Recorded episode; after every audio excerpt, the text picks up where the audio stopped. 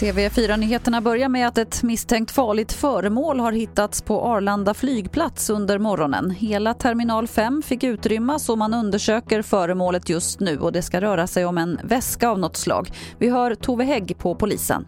Det kom ju in strax efter åtta att eh, ordningsvakter påbörjat arbetet med att titta på den här väskan och då de inte med en gång kan säga att innehållet är ofarligt kontaktades polisen. Utrymningen pågår utav terminal 5 och det handlar ju om att de som finns i den ska lämna och få gå till en annan terminal och de som vill komma in får vänta tills undersökningen är klar. Nu väcks åtal i ett uppmärksammat styckmordsfall i Karlskrona. 57-årige Mikael Pettersson försvann förra sommaren och i november hittades hans kropp på en ö i Karlskrona skärgård. En 22-åring och en 23-åring misstänks ha dödat honom. Idag är det statsminister Stefan Löfvens tur att grillas av riksdagens konstitutionsutskott för den svenska coronastrategin.